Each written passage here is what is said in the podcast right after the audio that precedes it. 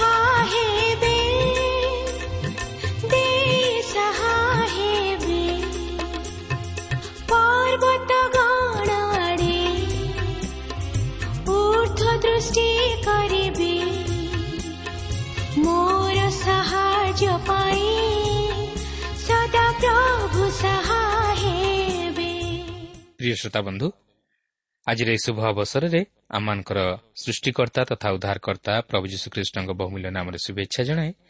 ଆଜିର ଏହି ପଥ ପ୍ରଦର୍ଶିକା କାର୍ଯ୍ୟକ୍ରମକୁ ଆପଣଙ୍କୁ ସ୍ୱାଗତ ଜଣାଏ। ଆପଣଙ୍କର ସହଯୋଗ ତଥା ମତାମତ ନିମନ୍ତେ ବିଶେଷ ଧନ୍ୟବାଦ। ଆପଣଙ୍କର ପ୍ରାର୍ଥନାର ଅନୁରୋଧ ରକ୍ଷା କରି ଆମେ ମଧ୍ୟ ଆପଣଙ୍କ ନିମନ୍ତେ ପ୍ରାର୍ଥନା କରୁଅଛୁ। ଆଉ ସେହି ପ୍ରଭୁ ଯୀଶୁ ନିଶ୍ଚିତ ଭାବରେ ଆପଣଙ୍କର ପାରିବାରିକ ସମସ୍ୟା ସମାଧାନ କରିବେ। ଆସନ୍ତୁ ପ୍ରଭୁଙ୍କର ବାକ୍ୟ ମଧ୍ୟକୁ ଯିବା ପୂର୍ବରୁ ସଂକ୍ଷେପରେ ପ୍ରାର୍ଥନା କରିବା।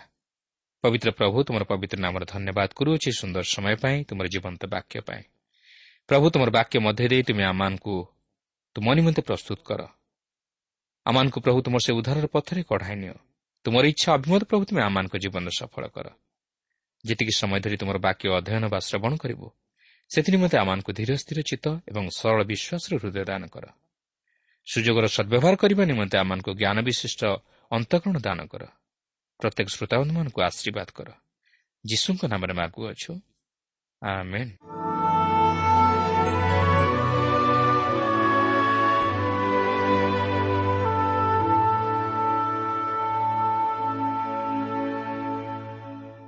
ଆସନ୍ତୁ ବର୍ତ୍ତମାନ ଆମେ ପ୍ରଭୁଙ୍କର ବାକ୍ୟ ମଧ୍ୟକୁ ଯିବା। ଆଜି ଆମେ ପ୍ରେରିତ ପୁସ୍ତକର ପ୍ରଥମ ପର୍ବର ବାର ପଦରୁ ଆରମ୍ଭ କରି ଦୁଇ ପର୍ବର ଚାରିପଦ ପର୍ଯ୍ୟନ୍ତ ଅଧ୍ୟୟନ କରିବା ନିମନ୍ତେ ଯିବା। ଏଠାରେ ଲକ୍ଷ୍ୟ କରିବାର ବିଷୟ ହେଉଛି ଯେ ପ୍ରଭୁ ଯୀଶୁ ସେମାନଙ୍କୁ ସମସ୍ତ ବିଷୟ ଜଣାଇ ସ୍ୱର୍ଗାରୋହଣ କରିବା ପରେ ସେମାନେ କ'ଣ କରିବା ପାଇଁ ଯାଉଅଛନ୍ତି। ଦେଖନ୍ତୁ ପ୍ରଥମ ପର୍ବର ବାର ପଦରେ ଏହିପରି ଲେଖା ଅଛି ଏଥିଉତ୍ତାରେ ସେମାନେ ଜିତ ନାମକ ପର୍ବତରୁ ଜିରୁସାଲାମକୁ ବାହୁଡ଼ି ଆସିଲେ। ସେହି ପର୍ବତ ଜିରୁସାଲାମ ପାଖରେ ଗୋଟିଏ ବିଶ୍ରାମବାରର ବାଟ ଦୂରରେ।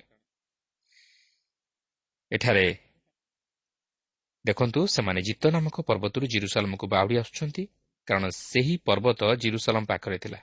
ଲେଖାଯାଏ ଗୋଟିଏ ବିଶ୍ରାମବାରର ବାଟ ଦୂର। ତେବେ ଏହାର ଅର୍ଥ ନୁହେଁ ଯେ ଦିନକର ବାଟ ମାତ୍ର ଏହା ଗୋଟିଏ ମାଇଲର ଦୂରତ୍ୱଠାରୁ କମ୍ ଥିଲା।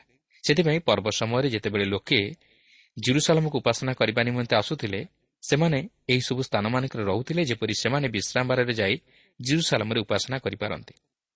ଏହାପରେ ତେର ଓ ଚଉଦ ପଦରେ ଆମେ ଦେଖୁ ଲେଖା ଅଛି ସେମାନେ ଅର୍ଥାତ୍ ପିତର ଜୋହନ ଜାକୁବ ଆନ୍ଦ୍ରିୟ ଫିଲିପ ଥୋମା ବର୍ଥଲମି ମାଥ୍ୟୁ ଆଲଫିଙ୍କ ପୁତ୍ର ଜାକୁବ ଉଦ୍ୟୋଗୀ ସିମନ ଓ ଜାକୁମଙ୍କ ପୁତ୍ର ଜିହୁଦା ନଗରରେ ପ୍ରବେଶ କରି ଯେଉଁ ଉପର କୋଠରୀରେ ସେମାନେ ବାସ କରୁଥିଲେ ସେଠାକୁ ଗଲେ। ଏମାନେ ସମସ୍ତେ ସ୍ତ୍ରୀ ଲୋକମାନଙ୍କ ସହିତ ଏବଂ ଯୀଶୁଙ୍କ ମାତା ମରିୟମ୍ ଓ ତାହାଙ୍କ ଭାଇମାନଙ୍କ ସହିତ ଏକଚିତରେ ପ୍ରାର୍ଥନାରେ ନିବିଷ୍ଟ ହୋଇ ରହିଲେ।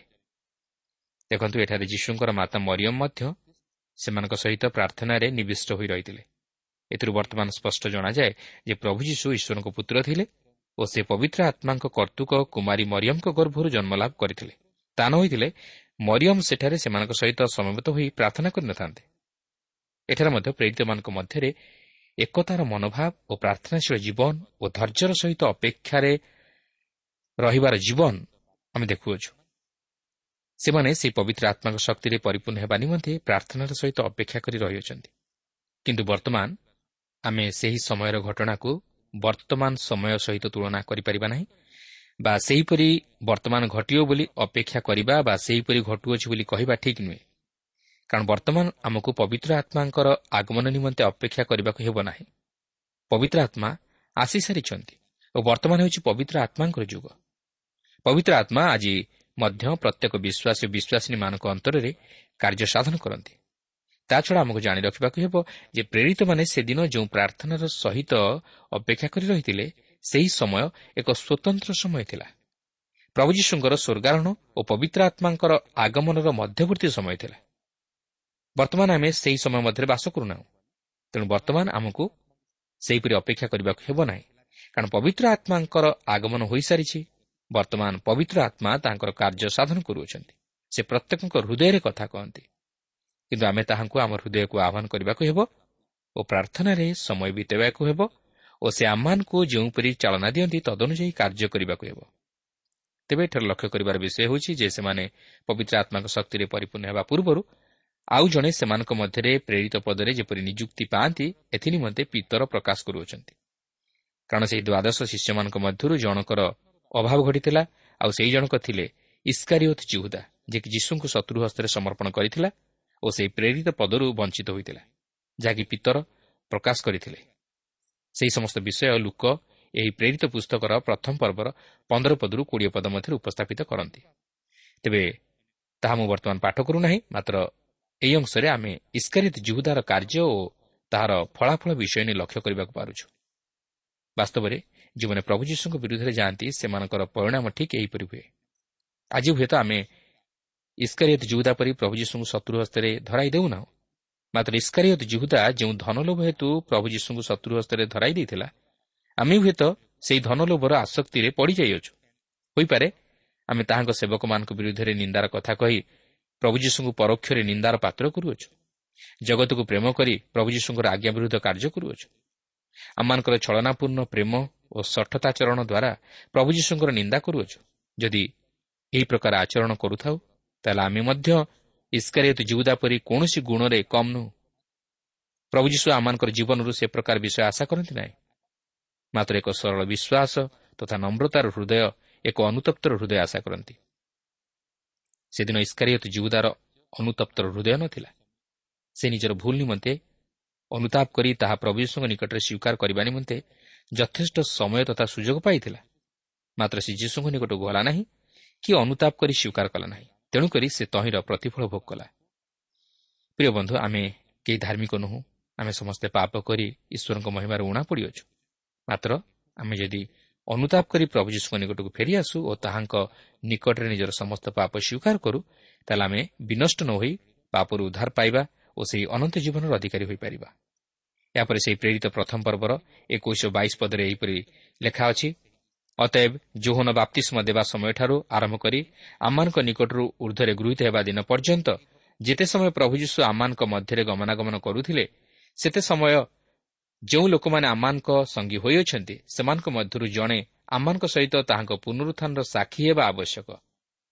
ଦେଖନ୍ତୁ ଏଠାରେ ସଦାସର୍ବଦା ଏକ ପ୍ରଶ୍ନ ଉଠେ ଯେ ଇସ୍କାରିୟତ ଜୁହୁଦାର ସ୍ଥାନରେ ପ୍ରେରିତ ପଦରେ ଆଉ ଜଣେ ବ୍ୟକ୍ତିଙ୍କୁ ମନୋନୀତ କରିବା କ'ଣ ପିତରଙ୍କ ପକ୍ଷେ ଉଚିତ ଥିଲା? ଈଶ୍ୱର କ'ଣ ତାହା ଚାହିଁଥିଲେ ମୁଁ ଜାଣିବାରେ ନୁହେଁ। କାରଣ ମୁଁ ବିଶ୍ୱାସ କରେ ଯେ ପିତର ତାହା ପବିତ୍ର ଆତ୍ମାଙ୍କର ଅନୁପସ୍ଥିତିରେ ଓ ବିନା ଚାଳନାରେ ଏହିପରି କରିବା ନିମନ୍ତେ ପଦକ୍ଷେପ ନେଇଥିଲେ ଯେହେତୁ ସେ ପର୍ଯ୍ୟନ୍ତ ପବିତ୍ର ଆତ୍ମା ଦତ୍ତ ହୋଇନଥିଲେ ମଧ୍ୟ ଜଣେ ଉତ୍ତମ ଲୋକ ଥିଲେ ଏଥିରେ ସନ୍ଦେହ ନାହିଁ। ଏତଦ୍ ବ୍ୟତୀତ ଜଣେ ପ୍ରେରିତ ପଦରେ ମନୋନୀତ ହେବା ନିମନ୍ତେ ତାହାଙ୍କର ଯୋଗ୍ୟତା ବୋଧହୁଏ ରହିଥିଲା। ଏହାର ଅର୍ଥ ହେଉଛି ଯେ ସେ ସେହି ପୁନରୁଦ୍ଧିତ ପ୍ରଭୁ ଯୀଶୁଖ୍ରୀଷ୍ଟଙ୍କୁ ଦେଖିଥିଲେ। ଆଉ ତାହା ହିଁ ଥିଲା ଆବଶ୍ୟକୀୟ ଯୋଗ୍ୟତା। କିନ୍ତୁ ଏହାର ଅର୍ଥ ନୁହେଁ ଯେ ମଥିୟଙ୍କୁ ପ୍ରେରିତ ପଦରେ ନିଯୁକ୍ତି ଦେବାରେ ଈଶ୍ୱରଙ୍କର ବା ପବିତ୍ର ଆତ୍ମାଙ୍କର ଚାଳନା ଥିଲା। ପିତର ଈଶ୍ୱରଙ୍କର ବା ପବିତ୍ର ଆତ୍ମାଙ୍କର ଚାଳନା ଦ୍ୱାରା ପରିଚାଳିତ ହୋଇ ଗୁଲିବାଣ୍ଟ କରିନଥିଲେ। ପ୍ରକୃତରେ କ'ଣ ଇସ୍କାରିୟତ ଜିଉଦାର ସ୍ଥାନରେ ମଧ୍ୟ ପ୍ରେରିତ ପଦ ପାଇଁ ଉପଯୁକ୍ତ ବ୍ୟକ୍ତି ଥିଲେ? ମୁଁ ସେପରି ଭାବୁନାହିଁ କିନ୍ତୁ ମୁଁ ବିଶ୍ୱାସ କରେ ଯେ ପ୍ରଭୁ ଯୀଶୁ ତାହାଙ୍କର ନିରୂପିତ ସମୟରେ ଇସ୍କାରିୟତ ଜିହୁଦାର ସ୍ଥାନରେ ଜଣେ ବ୍ୟକ୍ତିଙ୍କୁ ପ୍ରେରିତ ପଦରେ ନିଯୁକ୍ତ କରିଥିଲେ ଆଉ ସେ ହେଉଛନ୍ତି ପାଉଲ। କାରଣ ଆମେ ମଧ୍ୟଙ୍କ ବିଷୟ ନେଇ କିଛି ଲେଖା ଥିବାର ଦେଖିବାକୁ ପାଉନାହୁଁ କିମ୍ବା ତାହାଙ୍କର ପ୍ରଚାର କାର୍ଯ୍ୟ ବିଷୟ ନେଇ କୌଣସି ଉଲ୍ଲେଖନୀୟ ଅବଦାନ ନାହିଁ। ଯେତେଦୂର ସମ୍ଭବ ପବିତ୍ର ଆତ୍ମା ମଧ୍ୟଙ୍କୁ ଉପେକ୍ଷା କରୁଥିଲେ। କିନ୍ତୁ ମୋର ଜାଣିବାରେ ପ୍ରଭୁ ଯାହାଙ୍କୁ ପ୍ରେରିତ ପଦରେ ମନୋନୀତ କଲେ ସେ ହେଲେ ପ୍ରେରିତ ପାଉଲ। ତେବେ ଆପଣ ବୋଧହୁଏ ପ୍ରଶ୍ନ କରିପାରନ୍ତି ଯେ ଏହାର କୌଣସି ଯୁକ୍ତିଯୁକ୍ତ ତଥା ଲିଖିତ ପ୍ରମାଣ ଅଛି କି? ହଁ ଅଛି। ଦେଖନ୍ତୁ ଗାଲାତୀୟ ମଣ୍ଡଳୀର ଖ୍ରୀଷ୍ଟ ବିଶ୍ୱାସୀମାନଙ୍କ ନିକଟକୁ ପ୍ରେରିତ ପାଉଲ ତାହାଙ୍କ ପତ୍ରରେ ଏହିପରି ଉଲ୍ଲେଖ କରନ୍ତି ଯାହାକି ଗାଲାତୀୟ ପ୍ରଥମ ପର୍ବର ପ୍ରଥମ ପଦରେ ଲେଖା ଅଛି। ମୁଁ ପାଉଲ ଜଣେ ପ୍ରେରିତ ମନୁଷ୍ୟଠାରୁ ନୁହେଁ କି ମନୁଷ୍ୟ ଦ୍ୱାରା ନୁହେଁ କିନ୍ତୁ ଯୀଶୁଖ୍ରୀଷ୍ଟଙ୍କ ଦ୍ୱାରା ଏବଂ ଯେଉଁ ପିତା ଈଶ୍ୱର ତାହାଙ୍କୁ ମୃତମାନଙ୍କ ମଧ୍ୟରୁ ଉଠାଇଲେ ତାହାଙ୍କ ଦ୍ୱାରା। ପ୍ରେରିତ ପାଉଲ ଏଠାରେ ନିଜେ କୁହନ୍ତି ଯେ ସେ କୌଣସି ମନୁଷ୍ୟ ଦ୍ୱାରା ନୁହେଁ ମାତ୍ର ପିତା ଈଶ୍ୱର ଓ ପୁତ୍ର ପ୍ରଭୁ ଶ୍ରୀଖ୍ରୀଷ୍ଟଙ୍କ ଦ୍ୱାରା ପ୍ରେରିତ ପଦରେ ନିଯୁକ୍ତି ପାଇଛନ୍ତି ବା ପ୍ରେରିତ ବୋଲି ମନୋନୀତ ହୋଇଛନ୍ତି। ତେବେ ପ୍ରଭୁ ଯୀଶୁ ତାହାଙ୍କୁ କିପରି ମନୋନୀତ କଲେ? ସେହି ପବିତ୍ର ଆତ୍ମାଙ୍କ ଦ୍ୱାରା ଯାହାଙ୍କୁ ସେ ଏହି ଜଗତକୁ ପ୍ରେରଣ କଲେ। ପ୍ରେରିତ ପାଉଲଙ୍କର ପ୍ରଚାର କାର୍ଯ୍ୟ ତାହାଙ୍କ ପ୍ରେରିତ ପଦର ଯଥାର୍ଥତାକୁ ସ୍ପଷ୍ଟ ପ୍ରମାଣିତ କରେ ଯେ ଇସ୍କାରିୟତ ଯୁଗୁତାଙ୍କ ପରିବର୍ତ୍ତେ ତାହାଙ୍କ ସ୍ଥାନକୁ ପୂରଣ କରିବାରେ ସେ ହିଁ ଥିଲେ ଉପଯୁକ୍ତ ବ୍ୟକ୍ତି। କାରଣ ସେ ପିତା ଈଶ୍ୱର ଓ ପୁତ୍ର ପ୍ରଭୁ ଶ୍ରୀଖ୍ରୀଷ୍ଟଙ୍କ ଇଚ୍ଛା ଅନୁଯାୟୀ ପବିତ୍ର ଆତ୍ମାଙ୍କ ଦ୍ୱାରା ପ୍ରେରିତ ଭାବେ ମନୋନୀତ ହୋଇଥିଲେ। ତେବେ ଏହି ବିଷୟ ନେଇ ଆପଣ ମୋ ସହିତ ଏକମତ ହୋଇପାରନ୍ତି ବା ନ ହୋଇପାରନ୍ତି। ମାତ୍ର ଯାହା ଯୁକ୍ତିଯୁକ୍ତ ବୋଲି ମୁଁ ମୋର କ୍ଷୁଦ୍ର ଚିନ୍ତାଧାରାରେ ବିଚାର କଲି ତାହା ମୁଁ ଆପଣଙ୍କ ନିକଟରେ ପ୍ରକାଶ କଲି। ଏଠାରେ ମୁଁ ପୁନର୍ବାର ଆପଣଙ୍କୁ ସ୍ମରଣ କରାଇଦେବା ପାଇଁ ଚାହେଁ ଯେ ଏହି ପ୍ରେରିତ ପ୍ରଥମ ପର୍ବରେ ଚାରି ସୁଷମାଚାରର ମୁଖ୍ୟ ବିଷୟବସ୍ତୁ ସନ୍ନିବେଶିତ ହୋଇ ରହିଅଛି। ମାଥ୍ୟୁ ସୁଷମାଚାର ପ୍ରଭୁ ଯୀଶୁଙ୍କର ପୁନରୁତ୍ଥାନରେ ସମାପ୍ତ ହୋଇଅଛି। ମାର୍କୋଲ ସୁଷମାଚାର ପ୍ରଭୁ ଯୀଶୁଙ୍କର ସ୍ୱର୍ଗାରୋହଣରେ ସମାପ୍ତ ହୋଇଅଛି। ଲୋକ ସୁଷମାଚାର ପବିତ୍ର ଆତ୍ମାଙ୍କ ବିଷୟ ନେଇ କରାଯାଇଥିବା ପ୍ରତିଜ୍ଞାର ସମାପ୍ତ ହୋଇଅଛି ଓ ଯୌହନୀ ଲିଖିତ ସୁଷମାଚାର ପ୍ରଭୁ ଶ୍ରୀକୃଷ୍ଣଙ୍କର ଏହି ଜଗତକୁ ଦ୍ୱିତୀୟ ଆଗମନ କରିବା ନେଇ କରାଯାଇଥିବା ପ୍ରତିଜ୍ଞାରେ ସମାପ୍ତ ହୋଇଅଛି। ଏହିପରି ଭାବେ ଏହି ଚାରୋଟି ଯାକ ସୁଷମାଚାରର ବିଷୟବସ୍ତୁ ଆମେ ଏହି ପ୍ରେରିତ ପ୍ରଥମ ପର୍ବରେ ନିହିତ ହୋଇ ରହିଥିବାର ଲକ୍ଷ୍ୟ କରୁଅଛୁ ଓ ଏହି ପ୍ରେରିତ ପୁସ୍ତକ ସୁଷମାଚାର ଓ ମଣ୍ଡଳୀମାନଙ୍କ ନିକଟକୁ ଲେଖାଯାଇଥିବା ପତ୍ରମାନଙ୍କ ମଧ୍ୟରେ ଏକ ସେତୁବନ୍ଧ ପରି କାର୍ଯ୍ୟ କରେ। ସରଳ ଭାବରେ କହିବାକୁ ଗଲେ ସୁଷମାଚାର ଓ ମଣ୍ଡଳୀମାନଙ୍କ ନିକଟକୁ ଦିଆଯାଇଥିବା ପତ୍ରମାନଙ୍କ ମଧ୍ୟରେ ଏକ ଯୋଗାଯୋଗ ସ୍ଥାପନ କରେ। ତେବେ ଏହି ପର୍ବ ମଧ୍ୟରୁ ଆମେ ଜାଣିବାକୁ ପାରିଲୁ ଯେ ପ୍ରଭୁ ଶ୍ରୀଖ୍ରୀଷ୍ଟ ଯେ ଆମମାନଙ୍କର ମୃତ୍ୟୁଞ୍ଜୟ ଈଶ୍ୱର ଏହା ସେ ତାହାଙ୍କ ଶିଷ୍ୟମାନଙ୍କ ନିକଟରେ ଚାଳିଶ ଦିନ ଧରି ବାରମ୍ବାର ସେମାନଙ୍କୁ ଦର୍ଶନ ଦେଇ ନିଜକୁ ଜୀବିତ ବୋଲି ପ୍ରମାଣିତ କଲେ ଓ ଈଶ୍ୱରଙ୍କ ରାଜ୍ୟ ସମ୍ବନ୍ଧୀୟ ବିଷୟଗୁଡ଼ିକ ସେମାନଙ୍କୁ ଜଣାଇବା ସଙ୍ଗେ ସଙ୍ଗେ ଈଶ୍ୱରଙ୍କର ପ୍ରତିଜ୍ଞା ବିଷୟ ସେମାନଙ୍କୁ ସ୍ମରଣ କରାଇଦେଲେ ଯେଉଁ ପବିତ୍ର ଆତ୍ମାକୁ କି ଈଶ୍ୱର ପ୍ରଦାନ କରିବା ନିମନ୍ତେ ପୂର୍ବରୁ ସେମାନଙ୍କୁ ଜଣାଇ ଦେଇଥିଲେ ଓ ଏଥିସହିତ ସେ ଯେ ପୁନର୍ବାର ଏହି ଜଗତକୁ ଆଗମନ କରୁଅଛନ୍ତି ଏହା ତାହାଙ୍କର ସେହି ସ୍ୱର୍ଗାରୋହଣ ଦୃଶ୍ୟ ମାଧ୍ୟମରେ ଦୂତଙ୍କ ଦ୍ୱାରା ପ୍ରକାଶ କଲେ। ବର୍ତ୍ତମାନ ଆମେ ପ୍ରେରିତ ପୁସ୍ତକ ତହିଁର ଦୁଇ ପର୍ବଟିକୁ ଅଧ୍ୟୟନ କରିବା ନିମନ୍ତେ ଯିବା। ଏହି ଦୁଇ ପର୍ବଟି ଅତି ଚମତ୍କାର। ଏହି ଦୁଇ ପର୍ବରେ ଦୁଇଟି ଚମତ୍କାର ବିଷୟ ନିହିତ ଅଛି। ପ୍ରଥମଟି ହେଲା ପବିତ୍ର ଆତ୍ମାଙ୍କର ଆଗମନ ଓ ଦ୍ୱିତୀୟଟି ହେଲା ଖ୍ରୀଷ୍ଟୀୟ ମଣ୍ଡଳୀର ଜନ୍ମ। ଏହି ପର୍ବଟିକୁ ଆମେ ଦୁଇଟି ଭାଗରେ ବିଭକ୍ତ କରିପାରିବା। ପ୍ରଥମଟି ହେଉଛି ପବିତ୍ର ଆତ୍ମାଙ୍କର ଆଗମନ ଯାହାକି ଦୁଇ ପର୍ବର ପ୍ରଥମ ପଦରୁ ତେର ପଦ ମଧ୍ୟରେ ବର୍ଣ୍ଣିତ ହୋଇଅଛି। ଓ ଦ୍ୱିତୀୟଟି ହେଉଛି ଖ୍ରୀଷ୍ଟୀୟ ମଣ୍ଡଳୀର ପ୍ରଥମ ସମ୍ବାଦ ଯାହାକି ପିତରଙ୍କ ଦ୍ୱାରା ପ୍ରଚାରିତ ହୋଇଥିଲା। ଏହା ଏହି ଦୁଇ ପର୍ବର ଚଉଦ ପଦରୁ ସତଚାଳିଶ ପଦ ମଧ୍ୟରେ ବର୍ଣ୍ଣିତ ହୋଇଅଛି।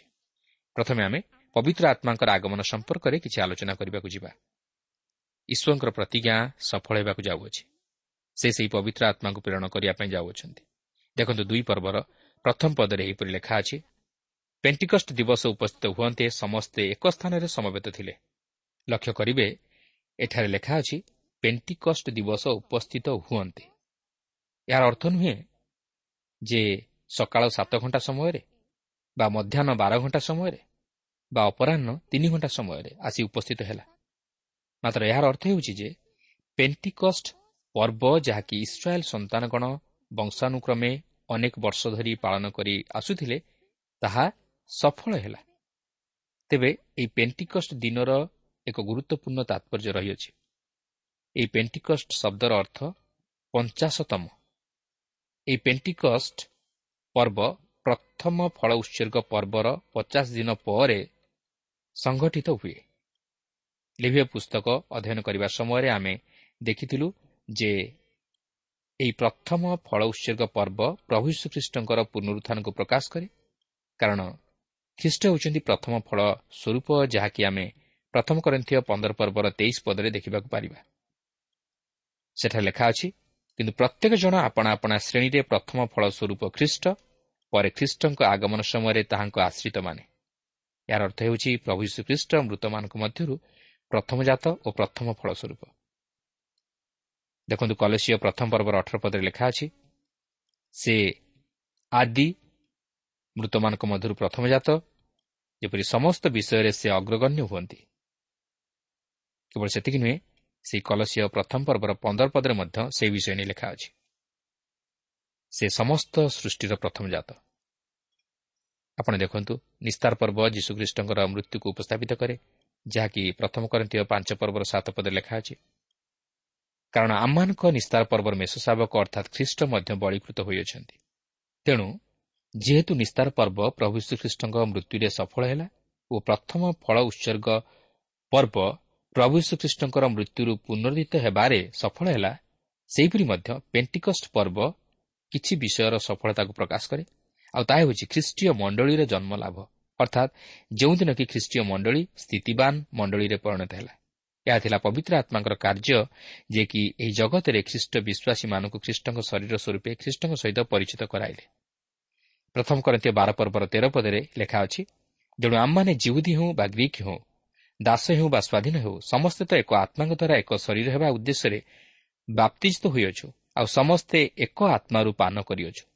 ଏହିପରି ଭାବେ ପବିତ୍ର ଆତ୍ମା ଏହି ଦିନ ଅବତରଣ କଲେ ଓ ଶିଷ୍ୟମାନେ ପବିତ୍ର ଆତ୍ମାଙ୍କ ଶକ୍ତିରେ ପରିପୂର୍ଣ୍ଣ ହେବା ସଙ୍ଗେ ସଙ୍ଗେ ଅନ୍ୟ ଖ୍ରୀଷ୍ଟ ବିଶ୍ୱାସୀମାନେ ମଧ୍ୟ ପବିତ୍ର ଆତ୍ମାରେ ବାପ୍ତିଷ୍ଠ ହୋଇ ଖ୍ରୀଷ୍ଟୀୟ ମଣ୍ଡଳୀର ଅନ୍ତର୍ଭୁକ୍ତ ହେଲେ। ପୁରାତନ ନିୟମର ଲେବିୟ ପୁସ୍ତକ ତହିଁର ତେଇଶ ପର୍ବ ଅଧ୍ୟୟନ କରି ଆମେ ଦେଖିଥିଲୁ ଯେ ପେଣ୍ଟିକଷ୍ଟ ପର୍ବରେ ତାଡ଼ି ମିଶ୍ରିତ ସରୁ ମଇଦାରେ ଦୁଇଟି ରୋଟି ଉତ୍ସର୍ଗ କରାଯାଉଥିଲା ଯାହାକି ଏହି ନୂତନ ନିୟମରେ ଖ୍ରୀଷ୍ଟୀୟ ମଣ୍ଡଳୀର ଆରମ୍ଭ ଓ ଉତ୍ପତ୍ତିକୁ ପ୍ରକାଶ କରେ। କାରଣ ମଣ୍ଡଳୀ ହେଉଛି ଖ୍ରୀଷ୍ଟଙ୍କ ଶରୀର ଓ ଏହି ରୋଟି ଖ୍ରୀଷ୍ଟଙ୍କ ଶରୀରର ନିଦର୍ଶନ। ଯେଉଁମାନେ ପବିତ୍ର ଆତ୍ମାଙ୍କ ଦ୍ୱାରା ବାପ୍ତିଜିତ ହୋଇ ଖ୍ରୀଷ୍ଟୀୟ ମଣ୍ଡଳୀର ଅନ୍ତର୍ଭୁକ୍ତ ହୁଅନ୍ତି ସେମାନେ ଖ୍ରୀଷ୍ଟଙ୍କ ଶରୀରର ଅଂଶବିଶେଷ ହୁଅନ୍ତି। ତେଣୁ ପୁରାତନ ନିୟମରେ ପେଣ୍ଟିକଷ୍ଟ ପର୍ବରେ ଏହି ରୋଟି ଉତ୍ସର୍ଗୀକୃତ ହେବା ବିଷୟ ନୂତନ ନିୟମରେ ପବିତ୍ର ଆତ୍ମାଙ୍କ ଦ୍ୱାରା ମନୋନୀତ ଖ୍ରୀଷ୍ଟ ବିଶ୍ୱାସୀମାନଙ୍କୁ ନେଇ ଖ୍ରୀଷ୍ଟୀୟ ମଣ୍ଡଳୀକୁ ଉପସ୍ଥାପିତ କରେ ଯେଉଁ ମଣ୍ଡଳୀ କି ଖ୍ରୀଷ୍ଟଙ୍କ ଶରୀର। ଏହିପରି ଭାବେ ଏହି ପେଣ୍ଟିକଷ୍ଟ ପର୍ବର ବାସ୍ତବ ସଫଳତା ଆମେ ନୂତନ ନିୟମରେ ଦେଖିବାକୁ ପାଉ ଯେଉଁଦିନ କି ପବିତ୍ର ଆତ୍ମାଙ୍କର ଏହି ଧରାପୃଷ୍ଠକୁ ଆଗମନ ହେଲା ଓ ଖ୍ରୀଷ୍ଟୀୟ ମଣ୍ଡଳୀ ଜନ୍ମଲାଭ କଲା। ବର୍ତ୍ତମାନ ଲକ୍ଷ୍ୟ କରିବାର ବିଷୟ ହେଉଛି ଯେ ଶିଷ୍ୟମାନେ ଏହି ପେଣ୍ଟିକଷ୍ଟ ଦିନ ଏକ ସ୍ଥାନରେ ସମବେତ ହେଉଥିବା ସମୟରେ କ'ଣ ଘଟିଲା।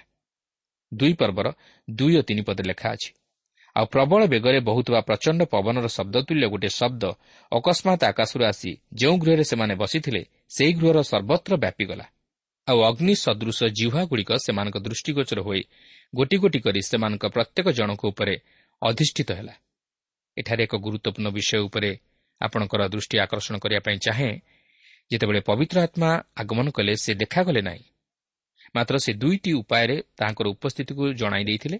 ଆପଣ ଜାଣିଥିବେ ଯେ ମନୁଷ୍ୟ ଦୁଇଟି ଉପାୟରେ ବା ଦ୍ୱାର ଦେଇ ସୂଚନା ପାଇଥାଏ। ପ୍ରଥମଟି ହେଲା କର୍ଣ୍ଣଦ୍ୱାର ଓ ଦ୍ୱିତୀୟଟି ହେଲା ଚକ୍ଷୁ ଦ୍ୱାର କର୍ଣ୍ଣ ଦେଇ ମନୁଷ୍ୟ ଶୁଣେ ଓ ଚକ୍ଷୁ ଦେଇ ମନୁଷ୍ୟ ଦେଖେ।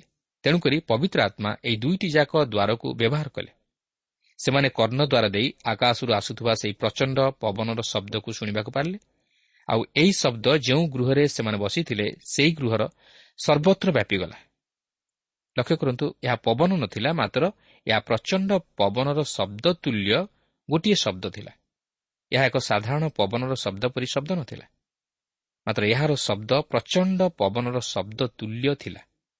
ତେବେ ଏହି ଶବ୍ଦ କେତେ ଜୋର ବା କେଉଁପରି ଶବ୍ଦ ଥିଲା ତାହା ବର୍ଣ୍ଣନା କରିବା ମଧ୍ୟ କଷ୍ଟକର କିନ୍ତୁ ଏହି ଶବ୍ଦ ପ୍ରଚଣ୍ଡ ଥିଲା ଯେଉଁ ଶବ୍ଦ ପରିକି ଅନ୍ୟ କୌଣସି ଶବ୍ଦ ସେମାନେ ଶୁଣିବାକୁ ପାଇନଥିଲେ ଦ୍ୱିତୀୟରେ ଆମେ ଦେଖୁ ଯେ ସେମାନେ ଚକ୍ଷୁ ଦ୍ୱାରା ଦେଇ ସେହି ଅଗ୍ନି ସଦୃଶ ଜିହ୍ୱାଗୁଡ଼ିକୁ ଦେଖିବାକୁ ପାରିଥିଲେ ଯାହାକି ସେମାନଙ୍କ ପ୍ରତ୍ୟେକ ଜଣଙ୍କ ଉପରେ ଅଧିଷ୍ଠିତ ହେଲା। ଏହିପରି ଭାବେ ସେମାନେ କର୍ଣ୍ଣ ଦେଇ ଓ ଚକ୍ଷୁ ଦେଇ ପବିତ୍ର ଆତ୍ମାଙ୍କର ଉପସ୍ଥିତିକୁ ଜାଣିପାରିଲେ।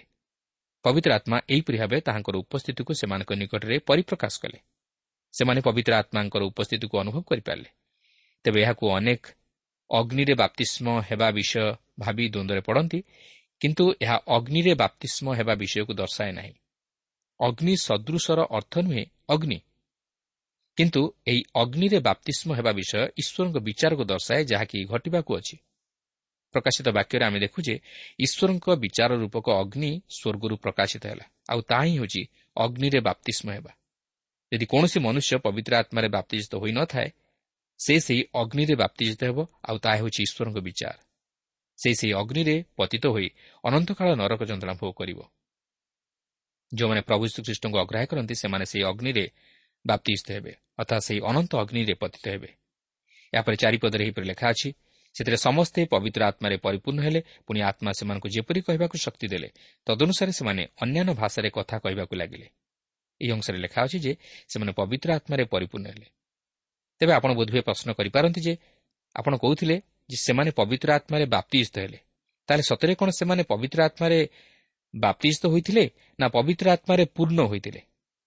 ହଁ ସେମାନେ ପବିତ୍ର ଆତ୍ମାରେ ବାପ୍ତିଜିତ ହୋଇଥିଲେ କାରଣ ଏଥିପୂର୍ବରୁ ଆମେ ପ୍ରେରିତ ପ୍ରଥମ ପର୍ବର ଚାରି ଓ ପାଞ୍ଚ ପଦରେ ଦେଖିସାରିଛୁ ଯେ ପ୍ରଭୁ ଯୀଶୁ ସେମାନଙ୍କୁ ପ୍ରତିଜ୍ଞା ଦେଇ କହିଥିଲେ ଯେ ସେମାନେ ପବିତ୍ର ଆତ୍ମାରେ ବାପ୍ତିଜିତ ହେବେ।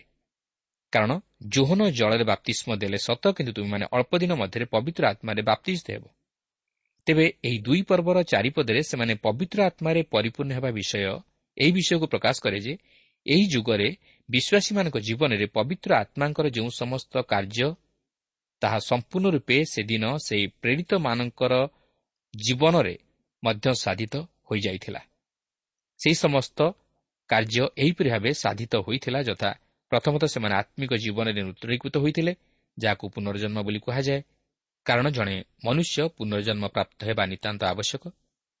ଜୋହନ ତିନି ପର୍ବର ପାଞ୍ଚ ପଦରେ ଲେଖା ଅଛି ଯୀଶୁ ଉତ୍ତର ଦେଲେ ସତ୍ୟ ସତ୍ୟ ମୁଁ ତୁମକୁ କହୁଅଛି ଜଳ ଓ ଆତ୍ମାରୁ ଜନ୍ମ ନ ହେଲେ କେହି ଈଶ୍ୱରଙ୍କ ରାଜ୍ୟରେ ପ୍ରବେଶ କରିପାରେ ନାହିଁ। ଦ୍ୱିତୀୟତଃ ସେମାନେ ପବିତ୍ର ଆତ୍ମାଙ୍କ ଦ୍ୱାରା ଅଧିକୃତ ହୋଇଥିଲେ ଯାହାକି ରୋମିଓ ଆଠ ପର୍ବର ନଅ ପଦରେ ଲେଖା ଅଛି। କିନ୍ତୁ ଈଶ୍ୱରଙ୍କ ଆତ୍ମା ଯଦି ତୁମମାନଙ୍କଠାରେ ବାସ କରନ୍ତି ତାହେଲେ ତୁମମାନେ ଶରୀରର ବସରେ ନାହଁ ମାତ୍ର ଆତ୍ମାଙ୍କ ବସରେ ଅଛ। ଯଦି କେହି ଖ୍ରୀଷ୍ଟଙ୍କ ଆତ୍ମା ପାଇନଥାଏ ତେବେ ସେ ତାହାଙ୍କର ନୁହେଁ। ତୃତୀୟତଃ ସେମାନେ ପବିତ୍ର ଆତ୍ମାଙ୍କ ଦ୍ୱାରା ଈଶ୍ୱରଙ୍କ ସହ ସେହି ସ୍ୱର୍ଗୀୟ ସହଭାଗିତା ସ୍ଥାପନ କରିବା ନିମନ୍ତେ ମୋହରାଙ୍କିତ ହୋଇଥିଲେ ଯାହାକି ଏପିସିଓ ପ୍ରଥମ ପର୍ବର ତେର ଓ ଚଉଦ ପଦରେ ଆମେ ଲକ୍ଷ୍ୟ କରିବାକୁ ପାରୁ। ପୁନଶ୍ଚ ସେହି ଏପିସିଓ ଚାରି ପର୍ବର ତିରିଶ ପଦରେ ମଧ୍ୟ ଲକ୍ଷ୍ୟ କରିବାକୁ ପାରୁ। ତେବେ ଏହି ପବିତ୍ର ଆତ୍ମାଙ୍କ ଦ୍ୱାରା ମୁଦ୍ରାଙ୍କିତ ହେବା ନିମନ୍ତେ ଯେ ଆମମାନେ ପ୍ରାର୍ଥନା କରିବା ଏହା ଆମମାନଙ୍କୁ କୁହାଯାଇ ନାହିଁ। ଏହା ଈଶ୍ୱରଙ୍କର କାର୍ଯ୍ୟ ଓ ଈଶ୍ୱର ତାହା ପ୍ରତ୍ୟେକ ଖ୍ରୀଷ୍ଟ ବିଶ୍ୱାସୀମାନଙ୍କ ଜୀବନରେ ସାଧନ କରନ୍ତି। ଆମେ ସେହି ପ୍ରଭୁ ଶ୍ରୀଖ୍ରୀଷ୍ଟଙ୍କଠାରେ ବିଶ୍ୱାସ କରିବା ପରେ ଈଶ୍ୱର ଆମମାନଙ୍କ ଜୀବନରେ ତାହା ସାଧନ କରନ୍ତି। ଏହା କେବଳ ଜଣେ ଖ୍ରୀଷ୍ଟ ବିଶ୍ୱାସୀ ଅନୁଭବ କରିପାରିବ। ତେଣୁ ସେହି ଖ୍ରୀଷ୍ଟଙ୍କଠାରେ ବିଶ୍ୱାସ ଆମମାନଙ୍କୁ ସେହି ମୁକ୍ତି ଦିବସ ନିମନ୍ତେ ପବିତ୍ର ଆତ୍ମାଙ୍କର ମୁଦ୍ରାଙ୍କ ପ୍ରଦାନ କରିଥାଏ। ସେଦିନ ପ୍ରେରିତମାନେ ପବିତ୍ର ଆତ୍ମାଙ୍କୁ ଦେଖିପାରିନଥିଲେ ମାତ୍ର ତାହାଙ୍କର ଉପସ୍ଥିତିକୁ ଅନୁଭବ କରିପାରିଥିଲେ। ଆଉ ଠିକ୍ ସେହିପରି ଜଣେ ଖ୍ରୀଷ୍ଟ ବିଶ୍ୱାସୀ ତାହାର ଜୀବନରେ ପବିତ୍ର ଆତ୍ମାଙ୍କର କାର୍ଯ୍ୟକୁ ଅନୁଭବ କରିପାରିବ। ଚତୁର୍ଥତଃ ସେମାନେ ପବିତ୍ର ଆତ୍ମାରେ ବାପ୍ତିଜିତ ହୋଇଥିଲେ କାରଣ ଏହା ବାପ୍ତିଜକ ଜୋହନଙ୍କ ଦ୍ୱାରା ପୂର୍ବରୁ ପ୍ରକାଶ କରାଯାଇଥିଲା ଯାହାକି ଲୁକ ତିନି ପର୍ବର ଷୋହଳ ପଦରେ ଆମେ ଦେଖିବାକୁ ପାଉ ଓ ଏହା ମଧ୍ୟ ପ୍ରଭୁ ଶ୍ରୀଖ୍ରୀଷ୍ଟଙ୍କ ଦ୍ୱାରା ପୁନରାବୃତ୍ତି କରାଯାଇଥିଲା ଯାହାକି ଆମେ ପ୍ରେରିତ ପ୍ରଥମ ପର୍ବର ପାଞ୍ଚ ପଦରେ ଦେଖିବାକୁ ପାଉ। ତେବେ ଏହି ପେଣ୍ଟିକସ୍ ଦିନ ସେମାନେ ପବିତ୍ର ଆତ୍ମାରେ ବାପ୍ତିଜିତ ହେଲେ ଯାହାକି ସେମାନଙ୍କୁ ଖ୍ରୀଷ୍ଟ ବିଶ୍ୱାସୀ ମଣ୍ଡଳୀର ଅନ୍ତର୍ଭୁକ୍ତ କଲା ଓ ସେହିଦିନଠାରୁ ଖ୍ରୀଷ୍ଟ ବିଶ୍ୱାସୀମାନେ ପ୍ରଭୁ ଶ୍ରୀଖ୍ରୀଷ୍ଟଙ୍କଠାରେ ବିଶ୍ୱାସ କରିବା ଦ୍ୱାରା ପବିତ୍ର ଆତ୍ମାରେ ବାପ୍ତିଜିତ ହୋଇ ଖ୍ରୀଷ୍ଟ ବିଶ୍ୱାସୀ ମଣ୍ଡଳୀର ଅନ୍ତର୍ଭୁକ୍ତ ହୁଅନ୍ତି ଯେଉଁ ମଣ୍ଡଳୀ କି ଖ୍ରୀଷ୍ଟଙ୍କ ଶରୀର ରୂପେ ବିବେଚିତ ହୁଏ। ତେଣୁ ଆମେ ଜାଣି ରଖିବା ଉଚିତ ଯେ ସେହି ପେଣ୍ଟିକସ୍ ଦିନ ସେମାନେ ପବିତ୍ର ଆତ୍ମାରେ ପୂର୍ଣ୍ଣ ହେବା ବିଷୟ ପ୍ରକାଶ କରେ ଯେ ପବିତ୍ର ଆତ୍ମାଙ୍କର ଏହି ଚାରୋଟି କାର୍ଯ୍ୟ ସାଧିତ ହୋଇସାରିଥିଲା। ଏହି ପବିତ୍ର ଆତ୍ମାରେ ପୂର୍ଣ୍ଣ ହେବା ସେବା ନିମନ୍ତେ ଉଦ୍ଦିଷ୍ଟ ଥିଲା। ସେହି ପେଣ୍ଟିକସ୍ ଦିନର ଅନୁଭୂତି ପବିତ୍ର ଆତ୍ମାଙ୍କ ପୂର୍ଣ୍ଣତାରୁ ହିଁ ଆସିଥିଲା। କିନ୍ତୁ ପବିତ୍ର ଆତ୍ମାରେ ବାପ୍ତିଷ୍ଠ ହେବା ଦ୍ୱାରା ନୁହେଁ। ଆଜି ମଧ୍ୟ ସେହିପରି ଘଟେ।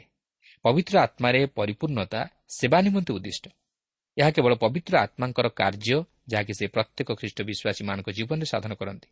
ଆମମାନେ ଯେପରି ପବିତ୍ର ଆତ୍ମାରେ ପରିପୂର୍ଣ୍ଣ ହେଉ ଏଥିନିମନ୍ତେ ଆଦେଶ ଦିଆଯାଇଅଛି। ଯାହାକି ଏଫିସିଓ ପାଞ୍ଚ ପର୍ବର ଅଠର ପଦରେ ଲେଖା ଅଛି। ଲକ୍ଷ୍ୟ କରନ୍ତୁ ସେହି ପେଣ୍ଟିଗସ୍ ଦିନ ପୂର୍ବରୁ ବିଶ୍ୱାସୀମାନେ ପବିତ୍ର ଆତ୍ମାରେ ପରିପୂର୍ଣ୍ଣ ହେବା ନିମନ୍ତେ ଅପେକ୍ଷାରେ ଥିଲେ। ଆଉ ସେମାନେ ସେହି ସମସ୍ତ ଦିନ ଏକଚିତରେ ପ୍ରାର୍ଥନାରେ ନିବିଷ୍ଟ ହୋଇ ରହିଥିଲେ। ସେମାନଙ୍କର ପ୍ରାର୍ଥନା କ'ଣ ଥିଲା? ସେମାନଙ୍କର ପ୍ରାର୍ଥନା ଥିଲା ଯେପରି ସେମାନେ ପବିତ୍ର ଆତ୍ମାରେ ପୂର୍ଣ୍ଣ ହୁଅନ୍ତି। କାରଣ ପ୍ରଭୁ ଯୀଶୁ ସେମାନଙ୍କ ନିକଟରେ ପ୍ରତିଜ୍ଞା କରି କହିଥିଲେ ଯେ ସେ ସେମାନଙ୍କ ନିମନ୍ତେ ସେହି ପବିତ୍ର ଆତ୍ମାଙ୍କୁ ପଠାଇବାକୁ ଯାଉଅଛନ୍ତି।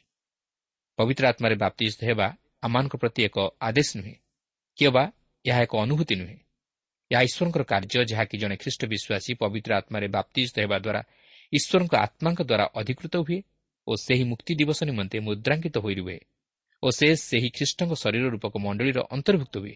କିନ୍ତୁ ପବିତ୍ର ଆତ୍ମାରେ ପରିପୂର୍ଣ୍ଣ ହେବା ସେବା କାର୍ଯ୍ୟ ନିମନ୍ତେ ସକ୍ଷମତାକୁ ପ୍ରକାଶ କରେ। ପବିତ୍ର ଆତ୍ମାରେ ଯେପରି ଆମମାନେ ପରିପୂର୍ଣ୍ଣ ହେଉ ଏଥିନିମନ୍ତେ ଆମମାନଙ୍କୁ ଆଦେଶ ଦିଆଯାଇଅଛି। ଲକ୍ଷ୍ୟ କରିବେ ଯେ ସେମାନେ ପବିତ୍ର ଆତ୍ମାରେ ପରିପୂର୍ଣ୍ଣ ହେବା ପରେ ପବିତ୍ର ଆତ୍ମା ସେମାନଙ୍କୁ ଯେଉଁପରି ଭାବେ କଥା କହିବାକୁ ଶକ୍ତି ଦେଲେ ସେମାନେ ସେହିପରି ଭାବେ ଭିନ୍ନ ଭିନ୍ନ ଭାଷାରେ କଥା କହିବାକୁ ଲାଗିଲେ। ସେହି ସମସ୍ତ ଭାଷା ମଧ୍ୟ କିଛି ଅଜଣା ଭାଷା ନଥିଲା। ସେହି ସମସ୍ତ ଭାଷାଗୁଡ଼ିକ ରୋମ୍ ସାମ୍ରାଜ୍ୟ ମଧ୍ୟରେ ଜିହୁଦୀ ଲୋକମାନଙ୍କ ମଧ୍ୟରେ ପ୍ରଚଳିତ ଥିଲା। ତେଣୁକରି ଏହି ପେଣ୍ଟିକଷ୍ଟ ପର୍ବରେ ଯୋଗ ଦେବା ନିମନ୍ତେ ରୋମ୍ ସାମ୍ରାଜ୍ୟର ବିଭିନ୍ନ ଅଞ୍ଚଳରୁ ଯେଉଁ ଜିହୁଦୀ ଲୋକମାନେ ଜିରୁସାଲାମକୁ ଆସିଥିଲେ ସେମାନେ ଏହି ପ୍ରେରିତମାନଙ୍କୁ ନିଜ ନିଜ ଭାଷାରେ କଥା କହୁଥିବାର ଶୁଣିବାକୁ ପାରିଲେ କିନ୍ତୁ ମୋର କହିବାର କଥା ଯେ ଏହି ପେଣ୍ଟିକଷ୍ଟ ଦିନ ଆଉ ପୁନର୍ବାର ଆସିବ ନାହିଁ କି ଏପରି ଆଉ କେବେ ହେଲେ ଘଟିବ ନାହିଁ ଏହି ଦିନ ଇତିହାସରେ ଏକ ସ୍ୱତନ୍ତ୍ର ଦିନ ରୂପେ ପରିଗଣିତ କାରଣ ପବିତ୍ର ଆତ୍ମାଙ୍କର ଆଗମନ ନିମନ୍ତେ ଆମମାନଙ୍କୁ ଆଉ ଅପେକ୍ଷା କରିବାକୁ ହେବ ନାହିଁ। ପବିତ୍ର ଆତ୍ମା ଏହି ଧରାପୃଷ୍ଠକୁ ଆଗମନ କରିସାରିଛନ୍ତି ଓ ବର୍ତ୍ତମାନ ହେଉଛି ପବିତ୍ର ଆତ୍ମାଙ୍କର ଯୁଗ। କିନ୍ତୁ ସେହି ପବିତ୍ର ଆତ୍ମାକୁ ଆମମାନେ ଗ୍ରହଣ କରିବାକୁ ହେବ ଓ ପବିତ୍ର ଆତ୍ମାଙ୍କ ଶକ୍ତିରେ ପରିପୂର୍ଣ୍ଣ ହେବାକୁ ହେବ। ସେହି ପବିତ୍ର ଆତ୍ମାଙ୍କ ଶକ୍ତିରେ ପରିପୂର୍ଣ୍ଣ ହୋଇ ଆମମାନଙ୍କୁ ସେବକର କାର୍ଯ୍ୟ କରିବାକୁ ହେବ। ତେଣୁ ଆସନ୍ତୁ ସେହି ପବିତ୍ର ଆତ୍ମାଙ୍କର କାର୍ଯ୍ୟକୁ ପ୍ରତିରୋଧ ନ କରି ସେହି ପବିତ୍ର ଆତ୍ମାକୁ ଗ୍ରହଣ କରିବା ସଙ୍ଗେ ସଙ୍ଗେ ତାହାଙ୍କ ଚାଳନା ଓ ପ୍ରେରଣା ଅନୁଯାୟୀ ପ୍ରଭୁଙ୍କ ନିମନ୍ତେ ବଞ୍ଚୁ ଓ ତାହାଙ୍କ ନିମନ୍ତେ ଉତ୍ତମ କାର୍ଯ୍ୟମାନ ସାଧନ କରୁ ଓ ପବିତ୍ର ଆତ୍ମାଙ୍କ ଶକ୍ତିରେ ପରିପୂର୍ଣ୍ଣ ହେବା ନିମନ୍ତେ ଚେଷ୍ଟା କରୁ। ପ୍ରଭୁ ପ୍ରତ୍ୟେକଙ୍କୁ ଏହି ସଂକ୍ଷିପ୍ତ ଆଲୋଚନା ମଧ୍ୟ ଦେଇ ଆଶୀର୍ବାଦ କରନ୍ତୁ।